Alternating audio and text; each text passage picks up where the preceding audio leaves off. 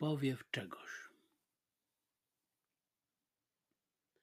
Niech nie osądza nikt i nie rozdziela niczego oko, gdyż samo widzi tyle, co pomieści. Że oto cicho rozdmuchnięte poznikały górki, krainy i teatry z pełnymi obsadami. Jak zmyte, pozmywane maski małych, umęczonych mimów zmieniają się w skupione oczy, widzące pół wszystkiego, a czasem prawie wszystko. A gdy nie wszystko, to przynajmniej wiele razy.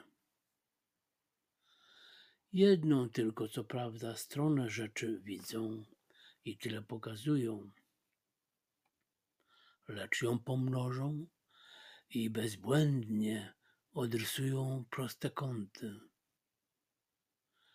Co najważniejsze zaś, dostrzegą w oku swym nie tylko źdźbła, ale i belki, no bo całe sosny. Ruch przetapiania szklanych gór. Czy nie od środka idzie ich gorąco? Zamków, bram, lodokapów.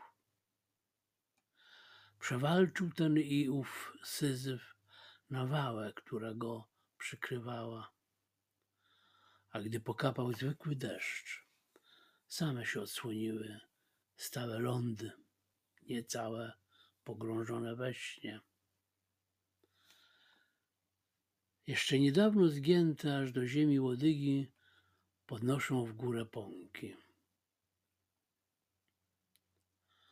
Ponad resztkami śniegu zielony mosteczek ugina się. I też zielona łąka, już ze znanym, starym, młodym przebiśniegiem.